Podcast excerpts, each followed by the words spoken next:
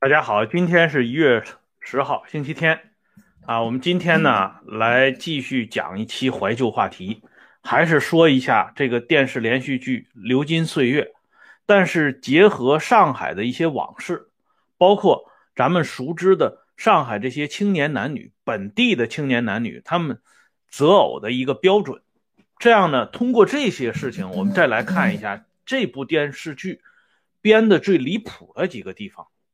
我们都知道啊，这个艺术是源自于生活，但要高于生活。首先，它的基础是生活，所以一部电视剧，包括电视剧里边的演员啊，电影也不例外啊，演的最好的，或者是编的最好的，无非就是两个字：逼真。就是说，跟生活无缝对接。那么最糟糕的，自然而然就是失真。以前电影学院表演专业曾经有过这么一个小段子，就是说在招聘这学生的时候，招考学生的时候出了一道小品的题。这个题目很简单，就是傍晚下班回家做的第一件事啊，第一个人呢上来表演，就是一进屋放下手里的呃这个公文包，就马上进厨房去做饭。第二个呢是放下公文包，然后坐在那里呢又加班这两个都没有通过，只有第三个人通过了。为什么呢？第三个人一进屋，他表现出来的那个形式就是倚靠在墙上，非常疲惫，公文包里的东西散落在一地，然后呢他就靠在墙那里啊，一直呆呆的。就这么一个表演通过了，因为什么呢？因为他逼真，因为他跟真实的生活对接啊。一个傍晚下班的人，疲惫以及，就是这个状态。哎，从这个例子里边，我们就可以看到，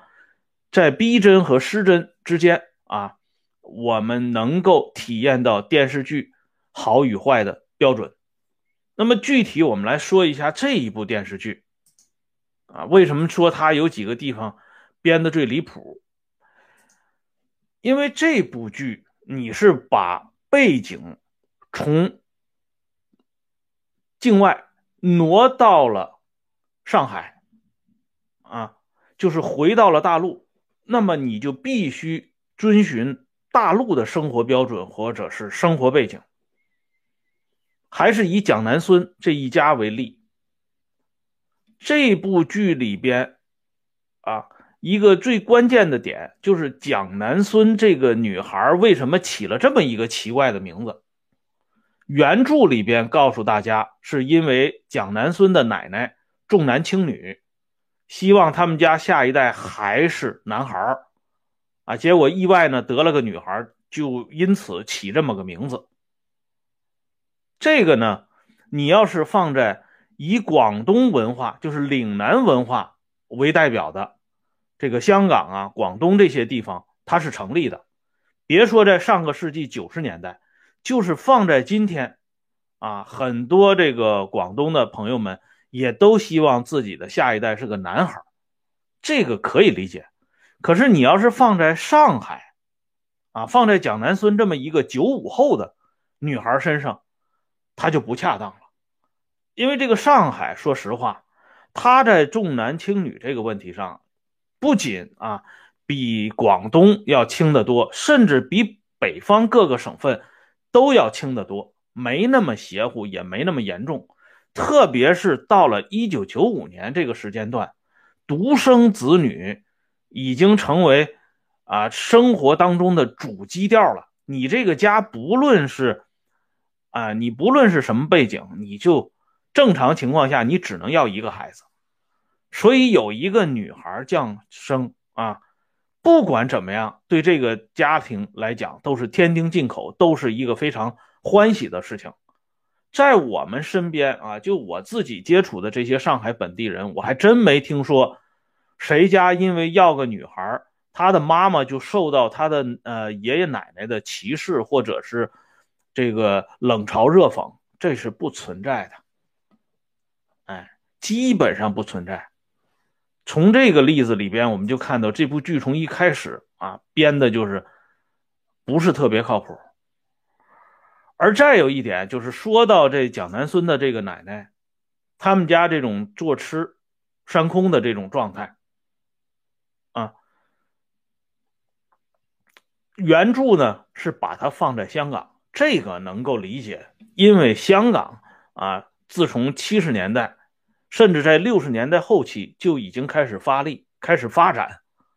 啊，他是享受了很长一段时间这种平静安稳、啊富裕的这种岁月，所以他会有这种家庭啊硕果仅存，但是中国这种情况是不存在的，几乎是不存在的。大家有没有看过啊？上海的女作家王安忆的一部作品啊，中篇小说《刘氏》，后来改编成电影，在上个世纪八十年代播出，叫《张家少奶奶》。这部电影就写的是一个很有名气的上海老牌资本家，在文化大革命期间落魄的这么一段真实的历史。其中这个主角就是张家少奶奶。她呢，在排队去买鱼的过程中，遭遇这么一件事情。因为当时呢，啊，这个非凡的年代里边，这个排队买鱼要用粉笔在你的外衣上写上号码。但是这个张家少奶奶，因为她出身于大家，她羞于把这种粉笔写成的号码流露在外衣上边，她呢，呃，就让。人家那个副食店的工作人员把粉笔的号码写在里边，结果写在里边，因为这个排队时间很长，里边这个粉笔的号码就被磨掉了。轮到他的时候，人家服务员看不到粉笔写的号码，就让他从队伍当中出去。这个时候，万幸啊，有人在后边给他作证。说我证明这个人一直在我前边排队，这样呢，他才避免被人家赶出去的命运。就这么一个小过节咱们就可以看出啊，这个曾经钟鸣鼎食的家庭已经到了什么地步。而这个张家少奶奶，她在给全家做这个红烧肉的时候，王安忆的描写也更逼真，就是说她看着不断缩小的这个。肉特别的忧虑，希望这个肉啊不要再缩下去，因为一家人这个晚饭都在这么一小碗红烧肉上边。哎，当年这个家庭吃穿用度是什么概念？而到了这个岁月时候，他们的吃穿用度是什么概念？所以蒋南孙这个奶奶，她是肯定要经历过这么一段非凡岁月的锻炼的，所以她不可能。有那种架势啊，早晨啊，这个儿子买的燕窝啊，那么零碎啊，马上就挑剔啊，吃饼干吃什么点心要吃国际饭店的，这个我跟你讲，凡是经历过那个岁月的人啊，没有这么多臭毛病。所以这里边编剧编的就是不靠谱。那么再一个呢，就是说。这个蒋南孙的妈妈戴英一直呢受到他奶奶的排压，呃，原因就是因为她生了个姑娘。说实话，这种情况我们说过啊，蒋南孙的妈妈是六五后啊，这个年龄段的女的啊，在八十年代就已经开始啊工作了，到了九十年代，一般呢在单位都能混个名目出来，这样的。家庭这样的社会这样的背景，还遭遇这个婆婆因为生了女孩而排压这种情况，我就我自己啊，我自己在九十年代中期，上个世纪九十年代中期，那个时候去过上海，那个时候的上海就是上海证券交易所还在浦江饭店，啊，早晨呢，因为找不开零钱，拿十块钱去买几个茶叶蛋。老太太呢，兴高采烈的就给你找零钱了。那个时候，我认为啊，虽然没有今天上海这么繁华，这么看起来那么富足，但那个时候的上海给我的印象是最好的。我虽然呢，在上次讲上海的时候，因为说福建路啊，说这个延安路，啊，搞不清南北方向、东西方向，受到一些老上海朋友们的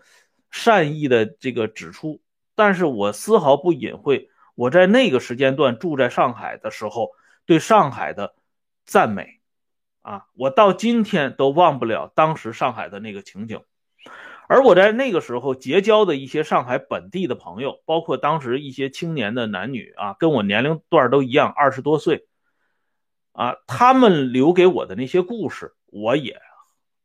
至今还记得啊。以前有一句诗，刘禹锡的，叫“旧时王谢堂前燕，飞入寻常百姓家”。昨天节目播出以后。有几个朋友看得很仔细，他们呢都是上海本地人，其中有两个朋友就给我留了一个回复，他说，一个呢是他外祖父家里呢是上海的资本家，但是啊到了文化大革命的时候都被扫地出门，存款和值钱的东西都被抄走了，文革以后呢是发还了房子和存款。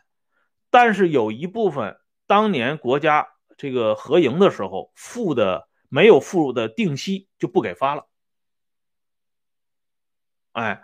这是一个。还有一个朋友呢就讲说，八十年代发还了房子，但是存款没有发还。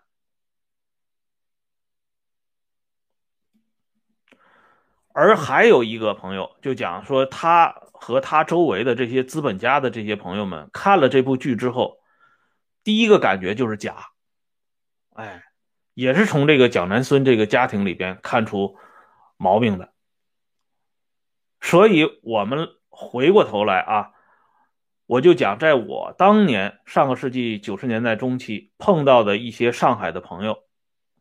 他们给我讲的这个故事，让我联系到这句话：旧时王谢堂前燕。当时啊，我们为了方便，就是雇了一个司机啊，让他们每天呢就是定点儿啊到楼下接送我们。所以呢，我们给他的这个薪酬呢，就是报酬是很优厚的。时间长了以后，这个司机呢跟我们就成了朋友，而这个司机呢就把他家里的一些事情给我们讲了出来。啊，别看这么一个普通的大众的司机，那家庭还有些来头。他的亲爹是曾经在聂荣臻、薄一波手下工作过，是当年就是五马进京之前大区的啊，就是中央局的办公厅副主任，后来南下到上海落户，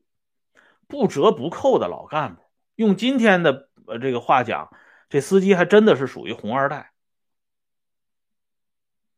可是呢，旧时王谢堂前燕变化了，而且他给我讲述的当时跟他老爹一起南下到上海的，啊，担任过上海一些高校的党委书记啊，啊，一些局委办的头头的，他们的子女在那个时间段，就是九十年代中中期的那个时间段，他们的生活工作境遇也都是很泛泛，所以这个这一点啊，非常符合。当年《红楼梦》描述的那个概念，哎，烈火烹油啊，花团锦簇。但是呢，啊，这个时代一旦发生变化，这些东西都不再有了，这是很正常的。社会的大浪淘沙就是这么简单。而且说到这个发还这个存款这个事情。大家看看这本书啊，以前我多次给大家讲过《鲁迅与我七十年》，这是鲁迅的儿子周海婴写的一本回忆录。鲁迅是什么人啊？一九七五年冬天的时候，周海婴给毛泽东写信，要求搞这么一个研究鲁迅的事情。毛泽东在一九七五年十一月一号专门做了批示，啊，鲁迅研究室因为这个批示而成立。可以想见啊，即便是在那种岁月里边，鲁迅的地位仍然是屹立不倒的。可是鲁迅的遗产，鲁迅的稿费二十七万元人民币，就活生生的到不了周海婴的手里，就更不要说那些数不清楚的翻印的啊再版的鲁迅的那些文章、那些呃书籍，缺失给周海婴的这些补偿，连鲁迅的儿子都要不来他应该拿到的钱，那么那些被扫地出门的资本家，凭啥发还你啊如数奉还的那些钱呢？这里边啊，我再给大家举一个真实的例子，就我们家老太太她亲身经历的一件事情。当时呢，在文革期间，她有一次啊，到一个重要的部门去办事儿，那个重要的部门的后院呢，啊的钥匙钥匙是掌管在我们家老太太的一个熟人手里，所以这个熟人呢就把那后院给她打开了，就让她到那里随便挑。你喜欢哪样东西，你就拿走，没有问题，因为大家熟人嘛。后院里堆积的是什么呢？全是名人字画啊！我们家老太太说，她到今天都记得，她当时首先看到的就是郑板桥的画，而且她这个熟人就告诉她，这些东西都是从那些啊地富反坏家里边查抄来的，堆到这里的。啊，是你想拿哪个你就拿哪个，不用跟我打招呼，拿多少都可以。啊，当然了，我们家老太太一样也没拿。哎，从这个例子里边，我们就可以看到啊，当初那些富足的家庭里，他们被洗劫一空，最后发还到他们手里的九牛一毛而已。哎，所以咱们说有一个最重要的常识就是。一个动荡的时代是不可能留下真正意义上富足的痕迹的，这就是常识。哎，下面呢，我们把剩下的时间留给另外一个小话题，就是像蒋南孙这种啊，被编剧编成这种出自于大家的所谓大家闺秀，她的这种本地上海女孩，她的择偶标准是什么？啊，这里呢，我根据我自己的。经历和接触来谈一谈不一定准确，因为我不是上海本地人，我完全是以一个外地人、一个旁观者啊来看待这些事情的。所以如果说的不是特别到位的话，希望朋友们在回复当中呢一起来讨论一下。啊，我就举两个人啊，一个呢是小伙子，一个是小姑娘，这两个人都是上海本地人。我说的这个上海本地人，还不是那种啊，父母那代从浙江啊，从江苏过到上海，就是所谓的第二代，啊，是他们家从他爷爷那代就是在上海生活的，这是真正意义上的上海本地人。哎，这个男孩呢，他家里给他这个找对象的时候，就强调一点，就是找上海本地姑娘。哪怕是二代也可以。这女孩的标准呢，也很简单，就是说找外地的可以，不是不可以，但是要找那些外地来上海混的风生水起的。哎，所以我们在看这个蒋南孙，他怎么会找这么一个张安仁啊？本身呢从小地方来，然后呢就为了留到这个高校里边，居然呢都上了手段，而且呢。住的又非常局促，啊，花钱呢又是斤斤计较，他怎么会找这么一个人？哎，不是说完全没有例外，而是这种概率非常低。这种啊编造呢，不仅出现在这部《流金岁月》，在当年有一位著名的女作家的作品叫《双面胶》，啊，就是海清啊、潘虹啊、涂松岩他们主演的。还有李明启他们主演的那部电视剧里边也出现过，涂松岩扮演的那位男主人公啊，家里呢父母都是从这个东北去的，然后家里也没什么钱，经常要跟人家告贷，而这个海清扮演的就是上海本地女孩啊，如何如何，最后呢发生了一系列的家庭悲剧。其实这个电视剧从。啊，我了解的是这种上海本地家庭的择偶标准来看，其实某种意义上讲也是不成立的。就包括《流金岁月》这部电视剧编剧自己，他自己的例子就足以打破他自己编造的这个东西，啊，这个编剧呢是一九八二年出生，大家网上一搜就能搜出来。她的丈夫呢是来自于四川眉县啊，现在呢叫眉眉州啊，就是典型的这种小地方。啊，他是原来是叫眉县还是叫眉州，我也搞不清楚，反正叫四川眉州，这是一个小城市。她的这个丈夫，实际上如果啊接触的这个领域内混到今天这份上，他跟这个编剧也不会喜结连理。哎，所以从他编剧自己的这种婚配的经历，就足以戳破他编造的这些谎言。哎，所以这部电视剧呢。留给大家的很多遗憾，从这些细微之处啊都能够看到，就更不要说里边一些啊，比如说蒋南孙的老爹蒋鹏飞啊，炒股票不利，去巴结一个房地产商叶谨言啊，这个跟人家原著差了十万八千里了。这里呢，我不是说要反复用原著来比较这个作品的改编，那个其实并不重要。很多，呃，这个作品呢，都经过几道手，然后进行各种各样的改编。比如说《基督山伯爵》，改编了多少多少年了，对吧？改编了多少个版本了？包括《安娜·卡列尼娜》都很正常。问题是，你改编也好，编造也好，你不能脱离太多的生活的原貌。脱离太多之后，那就走形了。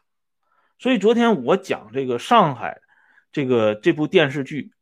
扎根于上海，它流失的是什么呢？就是真实。最大的流失就是真实。王安忆在他的那个小说《流逝》里边说的，也就是这个意思，就是那些流逝过的岁月，是不是应该给我们留下一点什么东西呢？可惜的是，什么都没留下。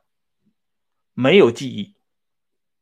为什么会出现像《流金岁月》改编的这么夸张、这么离谱的电视剧，却能够频繁的受到叫好呢？这就要归结在我们所处的这个伟大的时代，因为这个时代是一个虚幻的时代，是一个虚假的时代，是一个说真话、办真事儿、做真人不招待见的时代。当然，它还有一个名字叫网络时代。哎，从这一点，我们再看这部电视剧能够横空出世，能够获到获得如此高的评价和得分，也就一丁点都不奇怪了。哎，好了，今天呢，关于这个电视剧《流金岁月》这个话题呢，咱们就说到这里。感谢朋友们上来收看。下面呢，我把这温相说时政的会员频道给大家发一下，感兴趣的朋友啊，欢迎加入，每天都有更新。